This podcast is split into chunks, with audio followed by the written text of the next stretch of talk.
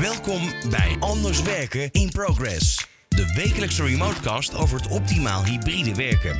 Waarbij we met ondernemers, directeuren, managers en specialisten in gesprek gaan over hoe zij dit aanpakken en waar zij zoal tegenaan lopen. We zoomen in op de nieuwe werkplek, verbinding houden, technieken, management tools, HR-vraagstukken, cybersecurity en nog veel meer. Elke keer weer een andere invalshoek en stof tot nadenken. Voorheen leek de toekomst van werken vrij duidelijk. Maar kijk een paar jaar vooruit en de toekomst van werk ziet er totaal anders uit. Kantoren zijn woonkamers geworden en vergaderzalen grotendeels leeg en kantooruren variëren. Het hele concept van werken keerde zichzelf op zijn kop en het lijkt onwaarschijnlijk dat het ooit nog teruggaat naar de situatie die we ooit gewend waren. Personeelstekorten, AI, ChatGPT en meer nieuwe ontwikkelingen dragen hier nog eens extra aan bij. We moeten anders leren werken, een proces dat nog in zijn kinderschoenen staat en veel bedrijven hier dus nog mee worstelen. Hoe komt dat en hoe kan dit anders? In de studio vandaag Erik Hartsing, CEO van Communicatief, onze Hi. gastheer. Hi Erik, welkom. Dank je. En Marco van Gelder, eh, Global Lead Research en Data bij Veltoen Company. Ook van harte welkom. Ja, leuk. Fijn dat jullie er zijn. Marco, ik begin bij jou even eh, als eerste. Veltoen Company. Wat doen jullie precies? Ja, goedemorgen allemaal. Ja, mijn naam is Mark Vergelder, werk bij Velton Company. En ja, die naam kennen jullie misschien van activity-based working of activiteitgericht werken. Ehm, Ik denk ongeveer 35 jaar geleden ehm, zijn we gaan nadenken over hoe we kantoren zijn gaan gebruiken. Ja, en daar kwamen we eigenlijk achter dat het eigenlijk helemaal niet meer aansloot bij de behoeften, bij de dingen die mensen doen. En zijn we gaan denken vanuit activiteiten. Dus wat doen mensen eigenlijk en wat hebben ze nodig om optimaal gebruik te kunnen maken van een, ja, van een echte omgeving. En dat is activiteitgericht werken geworden. En dat was zo succesvol dat een exportproduct is geworden. Daar zijn we mee begonnen. Maar überhaupt het hele denken van ja, wat doen we eigenlijk en wat hebben we daarvan nodig? Ja, dat is nu nou, zeg maar de vraag die eh, we continu moeten beantwoorden. Ja, die komen natuurlijk dagelijks bij bedrijven naar voren toe. En daar ligt nog een enorm eh, vraagstuk. Wat jullie denk ik ook heel mooi in de kaart heeft gespeeld met de dienstverlening die jullie hebben. Want eh, die vraag is alleen maar gestegen, neem ik aan. Dat is helemaal waar. Die vraag is alleen maar gestegen. Kijk, even heel plat gezegd, waar gaat het over? Het is eigenlijk de vraag van, ja, wat is eigenlijk kantoorgebonden en wat niet? En we hebben, zeg maar even voor de pandemie vroeger, hebben we natuurlijk een eh, soort van status quo gehad van, eh, ja, we gingen allemaal, zoals vanochtend ook weer, aansluiten in de file naar kantoor. Daar gingen we ons ding doen en dan weer in de file naar huis met het, alles wat erbij hoort. En niemand, ja, daar was er geen gelegenheid voor of geen aanleiding toe, eh, stelde zich de vraag van, ja, maar waarom doen we dit eigenlijk? En dat was eigenlijk, nou ben ik onderzoeker, het is een heel interessant moment is er ontstaan. Van ja, door de pandemie eh, is opeens zeg maar één variabele uitgezet. Dus namelijk die fysieke variabelen. Ja, en die openen enorm veel mogelijkheden. Ja, ik kom er zo even bij op terug. Ik ga eerst even naar Erik toe. Erik, CEO Communicatief. Eh, we zitten bij jullie in de studio eh, wederom. Even voor de luisteraars die eh, Communicatief en jou nog niet kennen. Kan jij ook even iets meer over Communicatief vertellen? Ja, nou eh, als eh, veldhoen bij een organisatie geweest is, dan eh, is er een strategie bepaald. Dan is er een gedachtegoed gekomen. En vaak moet dan in zo'n organisatie iets veranderd worden op bereikbaarheid en communicatieinrichting. En dat doen we dan op basis van Microsoft Teams. Dus wij richten vergaderkamers in, werkomgevingen in op basis van Microsoft Teams en telefoniecentrales. waarmee je dus wereldwijd bereikbaar bent op een iets andere, nieuwere manier dan eh, in de traditionele wereld. Dus wij zien bereikbaarheid en communicatie plaatsonafhankelijk. Ja. Ik neem aan dat voor jullie ook enorm veel veranderd is sinds dat we anders zijn gaan werken. Waar zie jij de grootste verschil op dit moment als je naar jullie producten, diensten en eh, dienstverlening kijkt? Nou ja, we hebben natuurlijk een, eh, een, een, een, een, jaar of tien, twaalf geleden hebben wij het nieuwe werken al gezien. Hè. Dat was toen een soort bubbel die gecreëerd werd, maar meer, ehm, ja, als ik het zo mag zeggen, financieel gedreven. Dus de what's in it for me als een eindgebruiker was er niet. Behalve dat de manager of de, de, de, de directie een voordeel had omdat ze facilitair konden snijden. Nou, daar was niemand eigenlijk echt enthousiast over. En iedereen die werd een beetje op een kantoortuin gegooid. En ja, daar kregen we ook niet de meest positieve reacties op. Wat je nu heel duidelijk ziet, is dat er eigenlijk een soort verschuiving plaatsvindt. En dat er, ik noem het maar, de private gedachtegoeden eigenlijk voorrang krijgen op eh, de werkgedachtegoeden. En die proberen we dan te mixen. Eh, maar ondertussen hebben we wel output nodig, want we willen aan het eind van de maand toch ook netjes ons salaris eh, eh, ontvangen, want we hebben rekeningen te betalen. Nou, en dat is een hele interessante mix, wat dus ook meteen inhoudt dat wij van de facilitaire of de IT-manager plotseling andere decision makers aan tafel hebben gekregen. Dus wij zitten in één keer over een vergaderkamer ook met HR te praten. hoe gaan we inclusiviteit en gelijkwaardigheid creëren voor de mensen in een ruimte en mensen die remote participeren. Ja. Hele interessante vraagstukken en, uh, en ook heel relevant, denk ik, in deze tijd. Nou ja, dat is ook een interessante opmerking die je maakt. Hè, dat je ziet dat er de taken van het management veranderd zijn. Dat uh, men eigenlijk met alles tegenwoordig met elkaar aan tafel zit. Hè, waar er HR vroeger echt een heel apart onderdeel was. IT vaak helemaal afgesloten van de organisatie. Want dat was allemaal moeilijk en gevaarlijk en noem maar op. Dat dat steeds meer in elkaar stroomt. Als ik nou kijk op dit moment, we hebben 19 juni hebben we de summit gehad. En nou, daar, hebben we heel duidelijk gemerkt dat de mensen die daar rondliepen, die worstelen daarmee. Die zijn op zoek hè, van hoe gaan we dat nu implementeren. We zijn inmiddels alweer uh, het najaar ingeschoten. En, en dan kom ik bijvoorbeeld ook berichten tegen in het nieuws van het grootste deel van de CEO's in 2025 iedereen weer op kantoor wil hebben. En gisteren in het nieuws dat TNO uh, erachter is gekomen dat uh, ja, het, het remote werken, thuiswerken, hoe je het wil noemen, dat het een blijvertje is. En we zijn er gewoon nog niet uh, voldoende op geëquipeerd. Uh, als ik even in jou terug ga, hoe zie jij dat?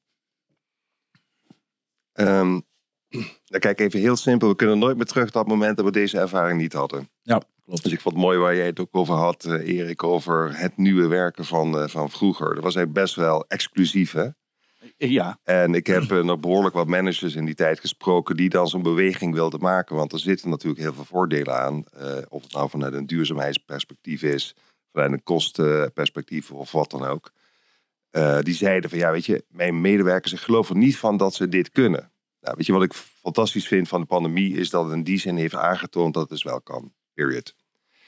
Uh, nu, uh, zeg maar, post-pandemic, wat je gewoon ziet, is dat mensen inderdaad hiermee worstelen. Maar waar ze precies mee worstelen, is eigenlijk een eigen handicap. Is dat ze gewoon gewend zijn om op een bepaalde manier te managen.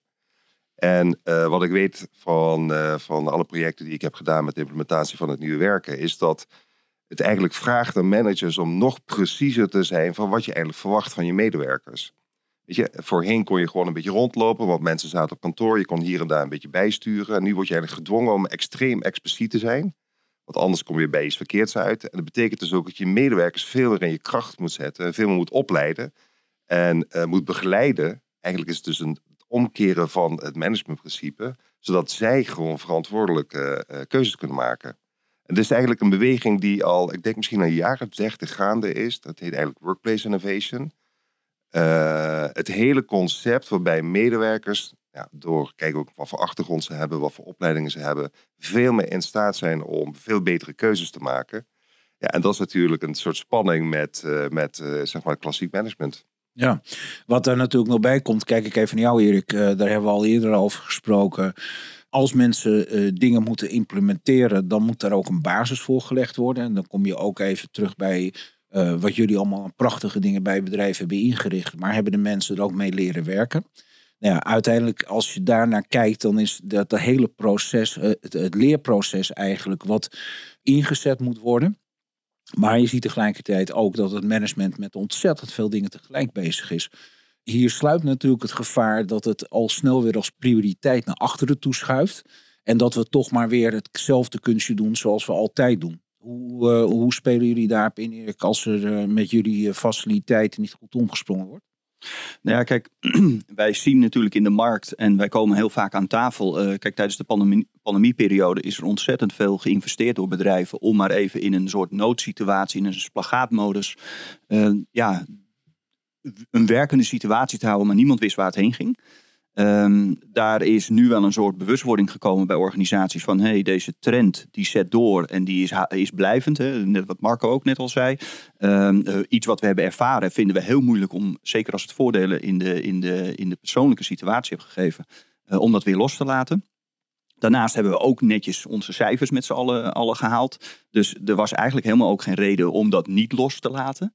Um, en wat je dus bij, in ons geval uh, uh, ja, zitten wij er iets anders in dan de traditionele organisaties. Bij ons, op het moment dat je een oplossing afneemt, dan neem je de oplossing af met een compleet pakket eromheen. En het pakket houdt in dat we aan de voorkant functionele behoeften gaan uithalen, uitvragen binnen je organisatie. En dat we dat heel duidelijk met een aantal key users, die uiteindelijk dan ook de, de, de ambassadeur, ambassadeurs worden in jouw organisatie over, over dit stukje techniek, wat we brengen uiteindelijk. Ehm, maar aan de achterkant doen wij dus ook heel veel aan, aan, aan adoption en change management. Uh, dus wij zijn geen traditioneel IT-huis die alleen maar techniek over de bühne brengt. En daarna zegt op maandag, joh, we hebben onze kunstje gedaan en tot ziens. Wij geloven dan ook in dat dit een, een doorlopend proces is.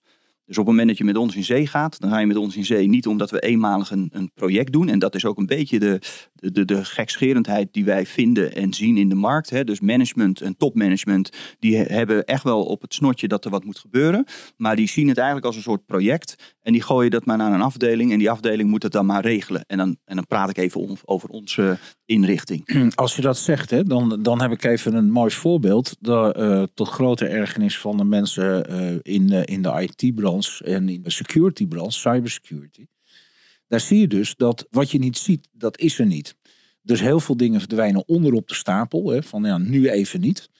Houdt het eigenlijk in dat, je, dat bedrijven echt even uh, één stap terug en twee vooruit moeten maken? Dat men eerst toch moet gaan goed gaan inventariseren van waar staan we nu? Waar liggen de behoeftes? En hoe kunnen we daarop inspelen? Want ik neem aan dat jullie dat ook doen als ik even van jou kijk Marco. Dat je daar als eerste inventariseert van wat is hier aan de hand? Ja, dat is helemaal waar. Kijk, het interessante is als je het hebt over een, een manier van werken in een organisatie. Helemaal nu in dit, ja, je had op mooie woord gisteren, dit interbellum. Ja. Kijk, uh, als, je hem, als je hem gebruikt, hè, want even voor de luisteraar, want we hadden gisteren bijeenkomst, die viel die term en er waren geloof ik twee mensen die hun hand opstaken, die wisten wat een interbellum is. Zou je hem even, kan je hem even toelichten? Um, ik, ik, denk heel simpel samengevat is een interbellum een uh, in-between periode. Een tussentijdse periode van het overgang van het ene naar het andere, zeg maar, segregatiemoment. Ja, het komt uit, uh, het komt uit oorlogen voort, hè, van een na oorlog, de overgangsperiode naar een nieuwe periode. Maar ik hoor de term nu ook steeds vaker opduiken. Interbellen, maar houden we even vast. Maar ga verder, dankjewel. ja, dus wat, eigenlijk wat ik uh, wel heel mooi vind, is dat iedereen een mening heeft over een manier van werken in een organisatie. Dat kom je ook tegen, Erik. 100%. Je, ja. Iedere stakeholder die spreekt heeft er een bepaald beeld bij. Het interessante is, er is geen één eigenaar. Ook 100%. En uh, wat ik ook heel interessant vind, is dat als je dan een vraag doorvraagt op een mening of een positie of, uh, of een aanname, is dat er heel vaak onderbuikgevoel bij zit. En uh, dus wat nu relevanter is dan hiervoor, uh, is dus om een keer transparant te maken of uit te beelden of te laten zien van ja, hoe hangt de vlag eigenlijk bij? Um, wij zijn uh, een van de advisory partners van, van Microsoft. wij gebruiken heel veel data uit het gebruik van 365 om te laten zien van wat er nu eigenlijk gebeurt in de organisatie. Hoe kan je even voor de luisteraar toelichten data uit 365? Oh, wat, uh, wat moeten we daarbij voorstellen? Nou, je moet je voorstellen dat als je uh, werkt in de cloud, uh, dan is het mogelijk om op een bepaald aggregatieniveau trends te zien over wat er gebeurt. Dus wat voor soort afspraken er worden gemaakt, wat voor soort communicatiemodaliteiten er zijn, hoe sociale netwerken zich ontwikkeld. Het is een hele specialistische tak van sport. Maar daarmee zijn wij in staat om te laten zien en een, uh, een, eigenlijk een soort van Esperanto te bieden aan de verschillende stakeholders. HR heeft een, hele andere uh, vocabulaire dan real estate, dan IT. En met behulp van data kunnen wij gewoon één beeld maken om te laten zien van hoe de vlag erbij hangt. Even heel concreet. Uh, we hebben nu een dossier waarbij een klant zegt van hey, in mijn survey zie ik terugkomen dat medewerkers problemen hebben met hun workload. We zien dat ze niet tevreden zijn over bepaalde aspecten. Uh, maar ja, goed, hoe maak je dat dan concreet? Wat betekent dat dan voor een manier van werken? Nou, door dat te verbinden met een, uh, met een ander soort van data, kan je laten zien bijvoorbeeld dat er een trend gaande is in een bedrijf dat uh, de sociale infrastructuur aan het veranderen is. Dus dat de, de, de, steeds meer silo's aan het ontstaan zijn, waardoor mensen veel minder met elkaar samenwerken. Met bijvoorbeeld als gevolg dat managers in bepaalde domeinen gewoon te weinig tijd hebben voor hun medewerkers om ze te ondersteunen. Heb je het dan over silo's of over verborgen silo's? Uh, het interessante hieraan is, hier is eigenlijk niks aan verborgen. Uh, het mooie van een sociaal netwerk is dat het laat zien hoe het bedrijf echt is. Dus niet uh, op papier ontworpen is, maar wat er echt gebeurt. Weet je, en daarmee kan je gewoon het echte gesprek beginnen. En van daaruit kan je gewoon met elkaar in gesprek van oké, okay, wat voor strategie wil je hebben aan de menskant en aan de organisatiekant zodat we dat kunnen, de klant kunnen begeleiden, zeg maar, die nieuwe manier van werken. Als je naar bedrijven kijkt, hè, hoe, uh, hoeveel procent van de bedrijven is zich bewust ervan dat dit mogelijk is? Want dit, dit geeft natuurlijk weer een totaal andere kijk op de organisatie als je deze methodiek gebruikt. Ja, dit is eh, volstrekt, uh, volstrekt nieuw. En je ziet nu dat steeds, steeds meer grotere organisaties vooral zoiets hebben van... Ja, wij moeten hier wat mee. Ehm, even voor jouw beeld, achterliggende reden is dat je dus ziet dat deze manier van werken, laat ik hem even zo formuleren, steeds meer keuzemogelijkheden met zich meebrengen. Het gevolg daarvan is dat dus ook de coördinatiecomplexiteit alleen maar toeneemt. Ik wil net zeggen, je krijgt wel een, een domino-effect natuurlijk. Want alles wat je doet heeft weer invloed op een ander proces. Precies. Lopen jullie daar ook tegenaan, Erik? Want ik heb ook inmiddels begrepen, jullie gaan ook wat dingen samen doen. Daar kom ik straks nog even op, want dan haakt ergens iets in elkaar. Hoe gaan jullie daarmee om? Nou ja, kijk, wij, wij, wij zien exact hetzelfde. En bij ons is het dan uh, uh, wat meer naar een afdeling coördineert. Hè. Dus stel bijvoorbeeld even, je hebt een service desk waar je normaal eh, 20 medewerkers hebben die netjes de telefoontjes van jouw klanten beantwoorden.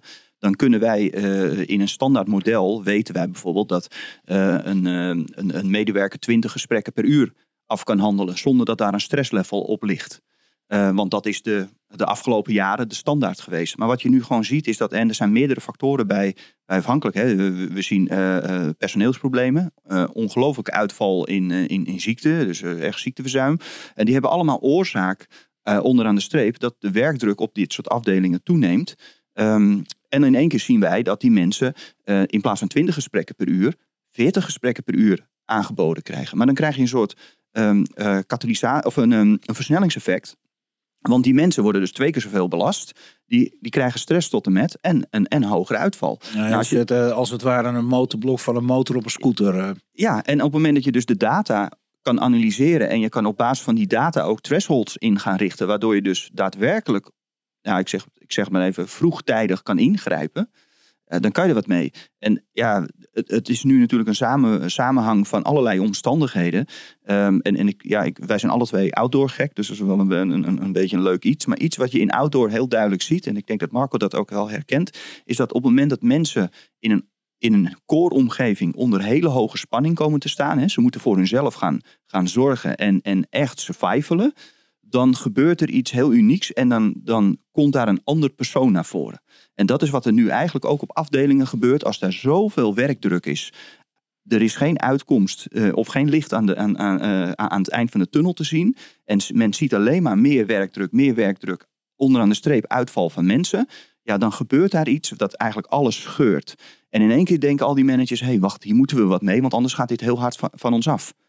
Ja, en dan wordt data in één keer heel erg interessant. En ja, als jij een modernere, en ik noem dat altijd een volwassenere organisatie bent, dan laat je het niet tot dat moment komen. Maar dan ga je op voorhand al met die data aan de slag om te voorkomen dat je in zo'n situatie terechtkomt. En het is makkelijker gezegd dan gedaan. Ja, nee, dat begrijp ik. Maar ik vind, ik vind het wel een mooie metafoor. En inderdaad, als mensen gedwongen worden door wat dan ook om, om anders te gaan handelen, dan uh, is het A heel belangrijk, als ik het goed begrijp, dat dat zichtbaar is. Hè? Dat, dat het niet tussen de vingers doorglipt. Ja als ik het even helemaal plat sla, ook even voor de luisteraar, hè, dan eh, waar staan we nu? Wat, wat gebeurt er nu eigenlijk op dit moment volgens jullie in dat hele proces? En wat zou er moeten gebeuren met al die mooie data die er beschikbaar is en waarbij je dit proces in, in, in, in een grip kan houden, zeg maar? Wat, waar staan we? Wat, hoe zien jullie dat? Nou, vanuit mijn perspectief waar we staan is, uh, en dan kijk dan vooral even naar de, de, de waar, eh, waar ik op zit. Dus heel veel inderdaad met data en deze strategische discussies voeren met, eh, met leiders. Is dat er gewoon voor het eerst uh, een gesprek ontstaat waar ik echt ja, heel gelukkig van word. Omdat eigenlijk alle medewerkersstemmen zijn vertegenwoordigd in een gesprek waarbij alle verschillende perspectieven aanwezig zijn. En dat is echt, ja, daar word ik echt heel blij van. Omdat we het opeens met elkaar erover hebben van wat gebeurt er eigenlijk en wat vinden we hiervan en wat vinden onze medewerkers hiervan? Even op die medewerkers, als ik eh, mag, even mag onderbreken, eh, Marco. Ik heb heel sterk het idee dat op dit moment de, dit een enorme stap voorwaarts zou zijn, omdat het, ik het idee heb, uit dingen die ik hoor, niet omdat ik het vind, maar dat heel veel medewerkers zich juist niet gehoord voelen op dit moment. Dat klopt. Ja, maar dat is dus inderdaad een van de issues. En daarom krijg je eigenlijk zo'n hele rare heen en weer gepingpong waar je mee begonnen. Een artikel van ja, de CEO's zeggen mensen moeten weer terug versus een artikel de mensen willen niet meer terug. Ja, weet je, het gaat er dus om dat door uh, uh, eigenlijk iedereen een stem te geven en dat in een context te plaatsen van een manier van werken, weet je, krijg je opeens een, een heel ander gesprek. En dan kan je dus op zoek, uh, want iedere organisatie is weer anders, maar dan kan je dus gewoon echt specifiek dingen gaan doen. Zoeken waar potentiële ja, hotspots zijn. Ja, weet je, en dan Erik, weet je waar we het eerder over hebben gehad, dat zijn precies de plekken waar we kunnen individueren met behulp van technologie om die hotspots op te lossen, weet je. En op die manier steeds weer een stapje verder te gaan. Nog één opmerking hierover. Wat ik dus ook denk, uh, meer toekomstgericht dan. We hebben heel vaak gesproken over de, een manier van werken wat dan meer projectmatig werd aangevlogen. Ik denk dat dat dus voorlopig niet meer het geval zal zijn en dat het meer een soort proces is wat er gewoon cyclisch gaat worden. Weet je, waarbij we dus een beeld hebben. Op basis daarvan gaan we interveneren, gaan we met elkaar afspraken maken, gaan we het uitproberen, gaan we kijken of het werkt of niet werkt en weer gaan bijstellen. Dus ik denk dat we echt in een soort proces terecht gaan komen van een soort van continue verbeteringen, een continue aanpassing. Ja. En dit sluit 100% aan en dat heb ik al een keer eerder uh, ook aangegeven. Dit is de reden waarom wij, uh, en in de traditionele, ik noem het even, uh, hardwarewereld, is het heel normaal dat jij een SLA afneemt. Hè? Dus je, je, je verkoopt een product. in ons geval is dat een videovergaderkamer. En dat product, als dat stuk is, dan willen we dat binnen twee uur gerepareerd hebben. En daar geven we veel geld aan uit. En daar wordt dan een, een, een jaarcontract of een vierjaarcontract. Hè. Maar er wordt in ieder een doorlopende termijn op afgesloten. En wat we eigenlijk een aantal jaar geleden hebben gezegd is van ja, wat, het is allemaal hartstikke leuk en aardig. Hè? Die kamer die moet up en running blijven, dat begrijpen we allemaal. Maar uiteindelijk de grootste um, um, um, rendement wat we uit die kamer kunnen halen, is als jouw medewerkers up en running blijven met de functionaliteiten. En die functionaliteiten worden elke week, elke twee weken, elke drie weken geüpdate, omdat we in de cloud tegenwoordig zitten. Hè? Dus wij zijn geen eigenaar meer van die software. Die software die wordt door in dit geval Microsoft dan geregeld. En die komt met functionele uh, uh, verbeteringen.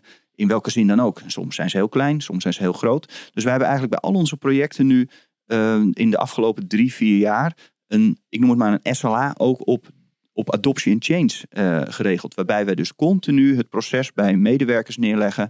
Dit zijn de nieuwe zaken. En niet een knoppentraining, maar voornamelijk welk procesondersteuningselement gaat jou hier helpen in jouw vraagstuk.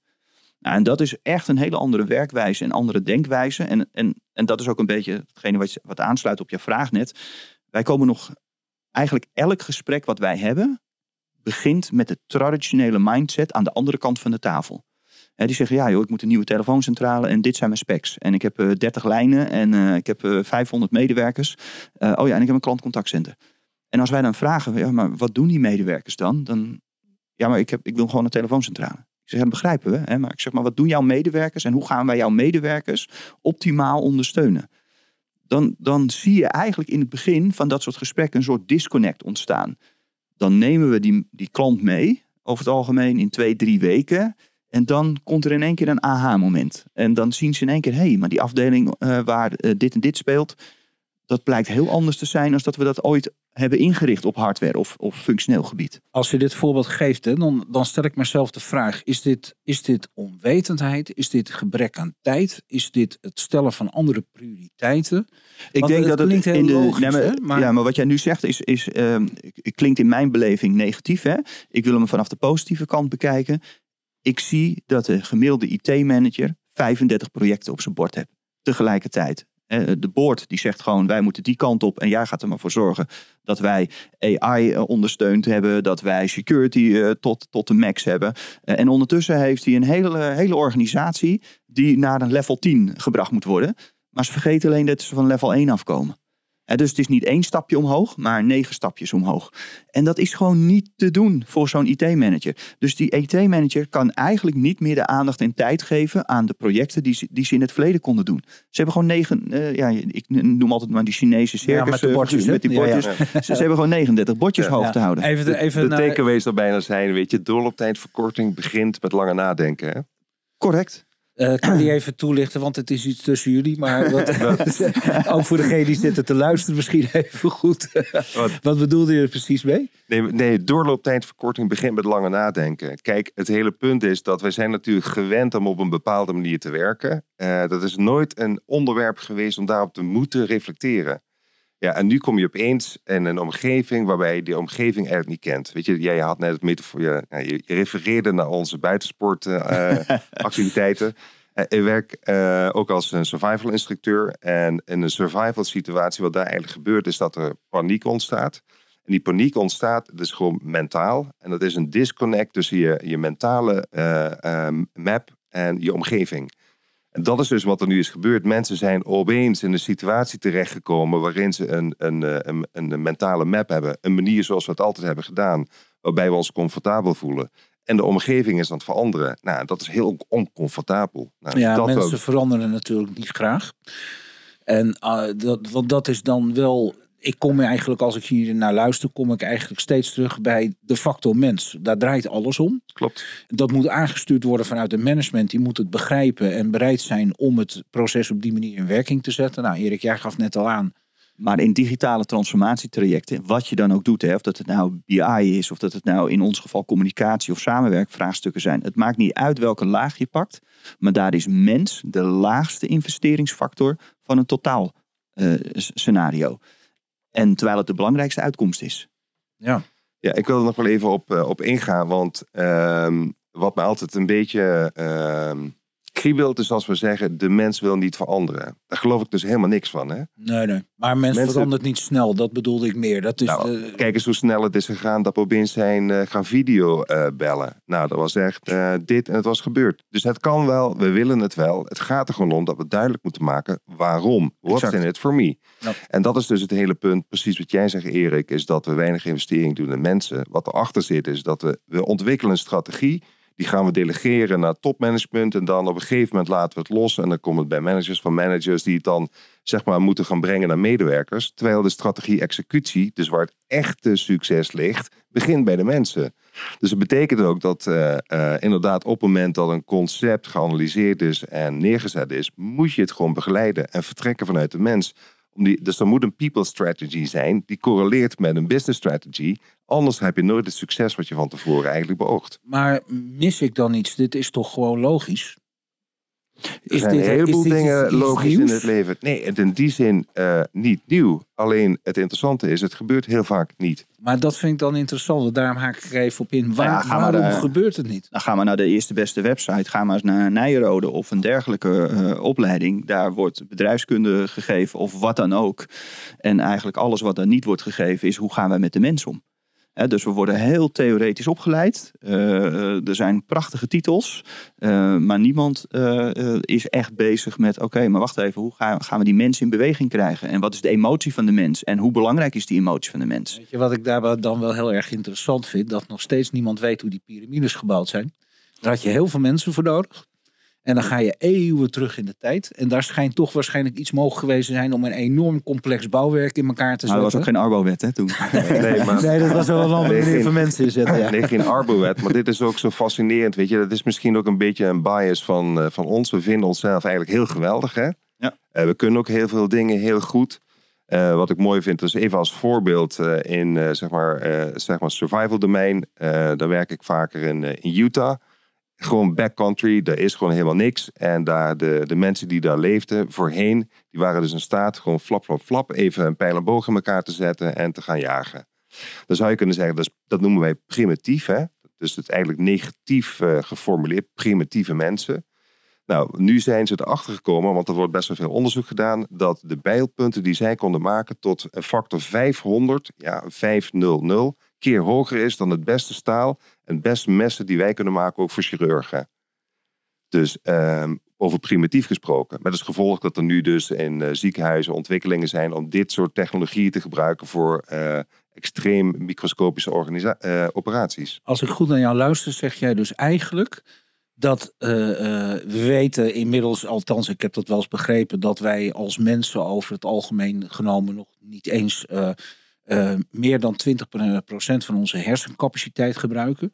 Dus eigenlijk wat jij zegt is dat wij als mensen en dus ook de werknemers veel meer kunnen dan dat er eigenlijk uitgehaald wordt. Absoluut. En dat is dus het interessante als we kijken naar data, naar het hele speelveld tussen uh, de verschillende vormen van collaboratie en dan de beïnvloeding vanuit de organisatie, leiderschapstijl en cultuur. Uh, nou goed, jullie hebben misschien wel eens gezien, je ziet mensen door de draaideur naar binnen lopen en het lijkt net alsof ze soms een andere jas aantrekken. En dan zie je dus hoe sterk een, uh, een cultuur, een omgeving is van een organisatie op gedrag, maar dus ook op de opportuniteit, de opportunity Ehm, jullie kennen het misschien vanuit een HR-perspectief. Heb je dat framework voor mensen over hun kennis en vaardigheden, hun motivatieset, maar ook de opportunity, dus de mogelijkheid om daadwerkelijk iets te doen. En dat wordt, wordt in mijn beleving best vaak gespoord. Ja, ik denk zelfs ook dat de medewerker, eh, als ik het zo mag benoemen, in voorsprong is ten opzichte van de, ja, de leider, als ik dan maar zo mag zeggen. En ik denk dat die, die middenlaag, dat daar de grootste uitdaging momenteel ligt. Want die moet, ja, die moet een, een gepassioneerd leider worden, die, waar mensen eh, willen volgen. Maar dan moet hij wel eh, de nieuwe wereld begrijpen. En daar zit een discrepantie. Terwijl heel veel medewerkers begrijpen ondertussen al lang die nieuwe wereld. Hè? Want die zitten al, al, al drie jaar in die bubbel op hun manier. En die hebben allerlei eh, zaken verworven die zij heel erg prettig vinden. En ondertussen resultaat leveren. Ehm, ja, tuurlijk eh, kunnen we zeggen, hey, eh, er moet nog wat techniek bij. Of er moet een ditje. Of we moeten, maar dat is allemaal in te regelen. Maar uiteindelijk hebben die te maken met, met een, een, een een manager of een leider. Of een, een, een- hoe ze dat ook willen noemen. Maar die manager moet, moet ook veranderen. Die kan niet zomaar weer terug naar die oude wereld toe. En daar ligt denk ik de grootste uitdaging. Want we zijn helemaal, helemaal prat in deze wereld om allerlei managers te hebben. Maar als managers niet in een meewerkende gedachtegoed kunnen van die nieuwe of dat anders werken gedachtegoed. Ja, dan ligt daar echt wel een hele grote uitdaging. Nou ja, eigenlijk eh, de grootste uitdaging is eigenlijk haal alles uit je mensen wat eruit te halen valt. Kijk of ze op de juiste plek zitten. En ehm, ik kan mij nog herinneren. Ja, maar wie bepaalt er wat er uit die mensen te halen valt? Dat is vaak het management die Nou- over het algemeen een tekorte eh, visie heeft. Want die hebben gewoon oogkleppen op. Ja, maar daar heb je een mooi punt. Want dan kom ik terug op wat jij aangaf, wat er qua database mogelijkheden en software mogelijk is om dingen naar boven toe te krijgen. Maar dat betekent dan eigenlijk, als ik goed naar jullie luister, dat eigenlijk de, hele managementstructuur, eh, dat je daar moet beginnen, dat dat gewoon op de schop moet. Dat er anders gedacht en gewerkt moet Ja, maar heel veel data, en dat zal jij denk ik ook herkennen, Marco. Wij, wij hebben gesprekken met managers. Hè, eh, en in ons geval is het dan alleen maar over telefonie bijvoorbeeld. Waarbij iets beweerd wordt. Waarbij wij in de rapportages en in de data gewoon complete tegenovergestelde terugzien. En dan gaan we naar de organisatie toe en lees de mensen die werkelijk in die uitvoer zitten. Dan gaan we dat gesprek met die mensen aan. Of we gaan ernaast zitten. Ik, zelf doe ik dat ook wel eens. Eén keer per drie maanden loop ik altijd met een project mee om een beetje feeling te houden met wat doen we nou eigenlijk. Dan ga ik naast zo'n eh, naast zo'n medewerker zitten, zo'n klantcontactcentrum medewerker. Dan zie ik die mensen werken en denk, hé, wacht even. Jullie werken heel anders als dat daarboven gedacht wordt. Hoe kan dit? En, en het is eigenlijk heel logisch. Enkel boven moet eigenlijk ook daarnaast af en toe eens een, een dag gaan zitten. Om te begrijpen wat gebeurt daar.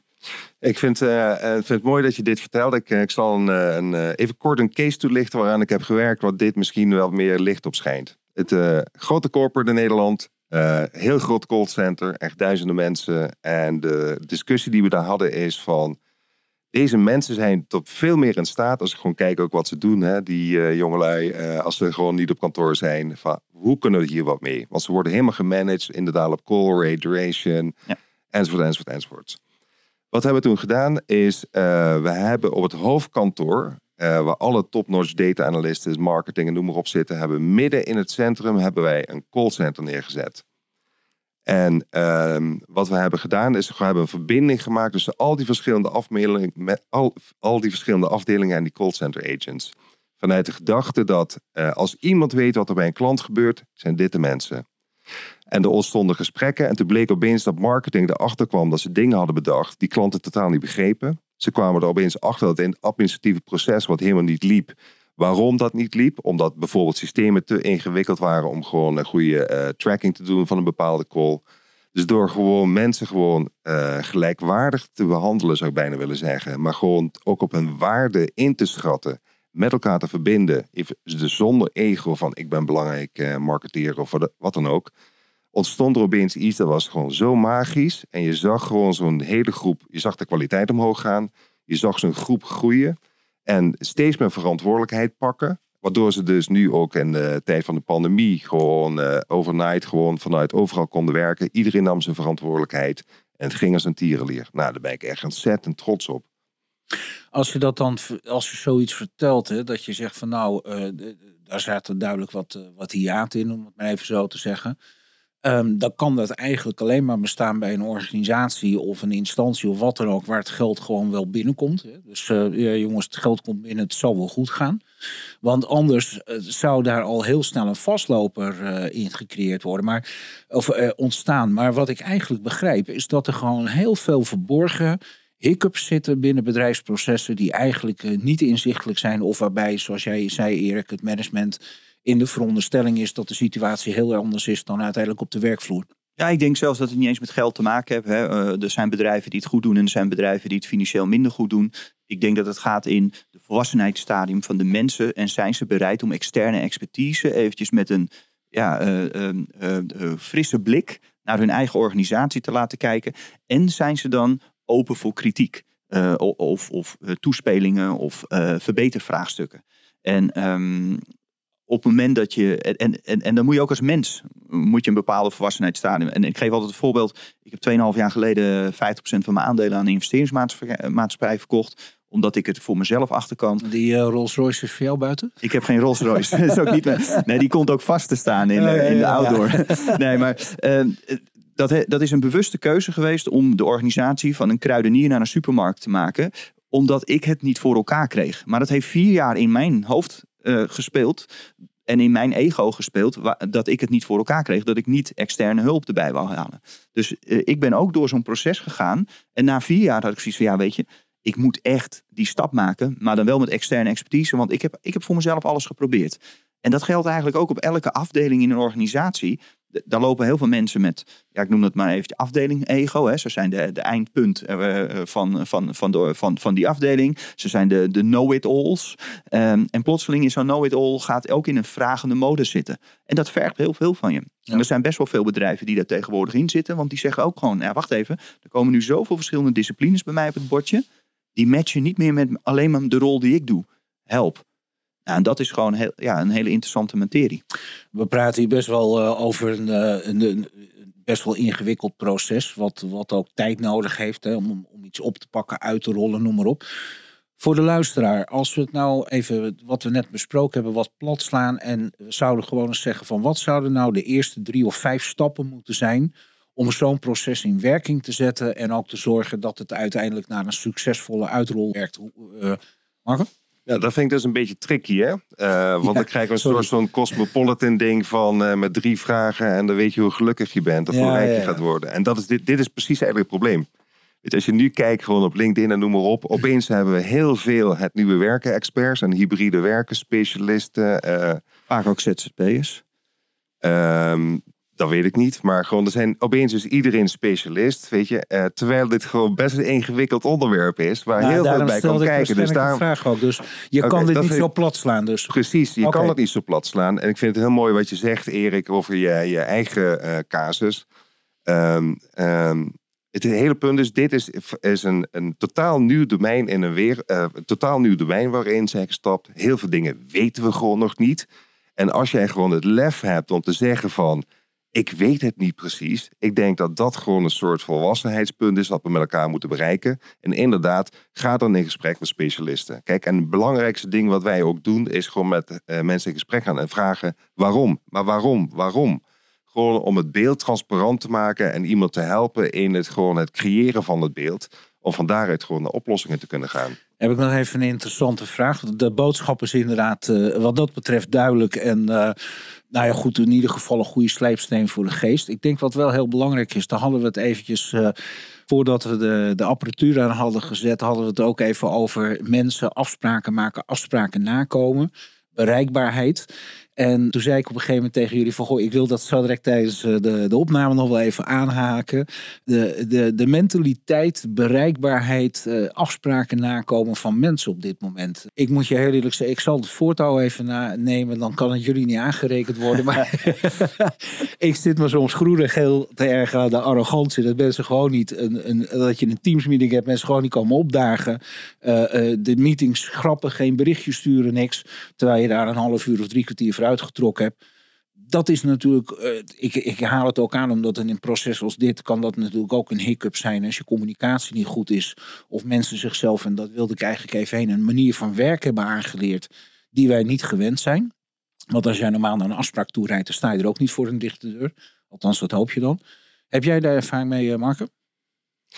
Um, ja, maar ik wil ook zeggen, de, uh, er is ook een andere kant. Hè? Ik heb nog nooit zoveel on, uh, stipt op tijd meetings gehad als sinds we aan Teams zijn. Ja, dat uh, komt door Teams. Dat je de nou, melding ik, krijg je op nog twee minuten. Dat, dat weet ik niet. Maar wat mij opvalt is dat uh, 9 uur begint een call en stipt op 9 uur, weet je, zijn de, mensen, de meeste mensen. Dat vind ik echt heel, heel chic, heel bijzonder ook.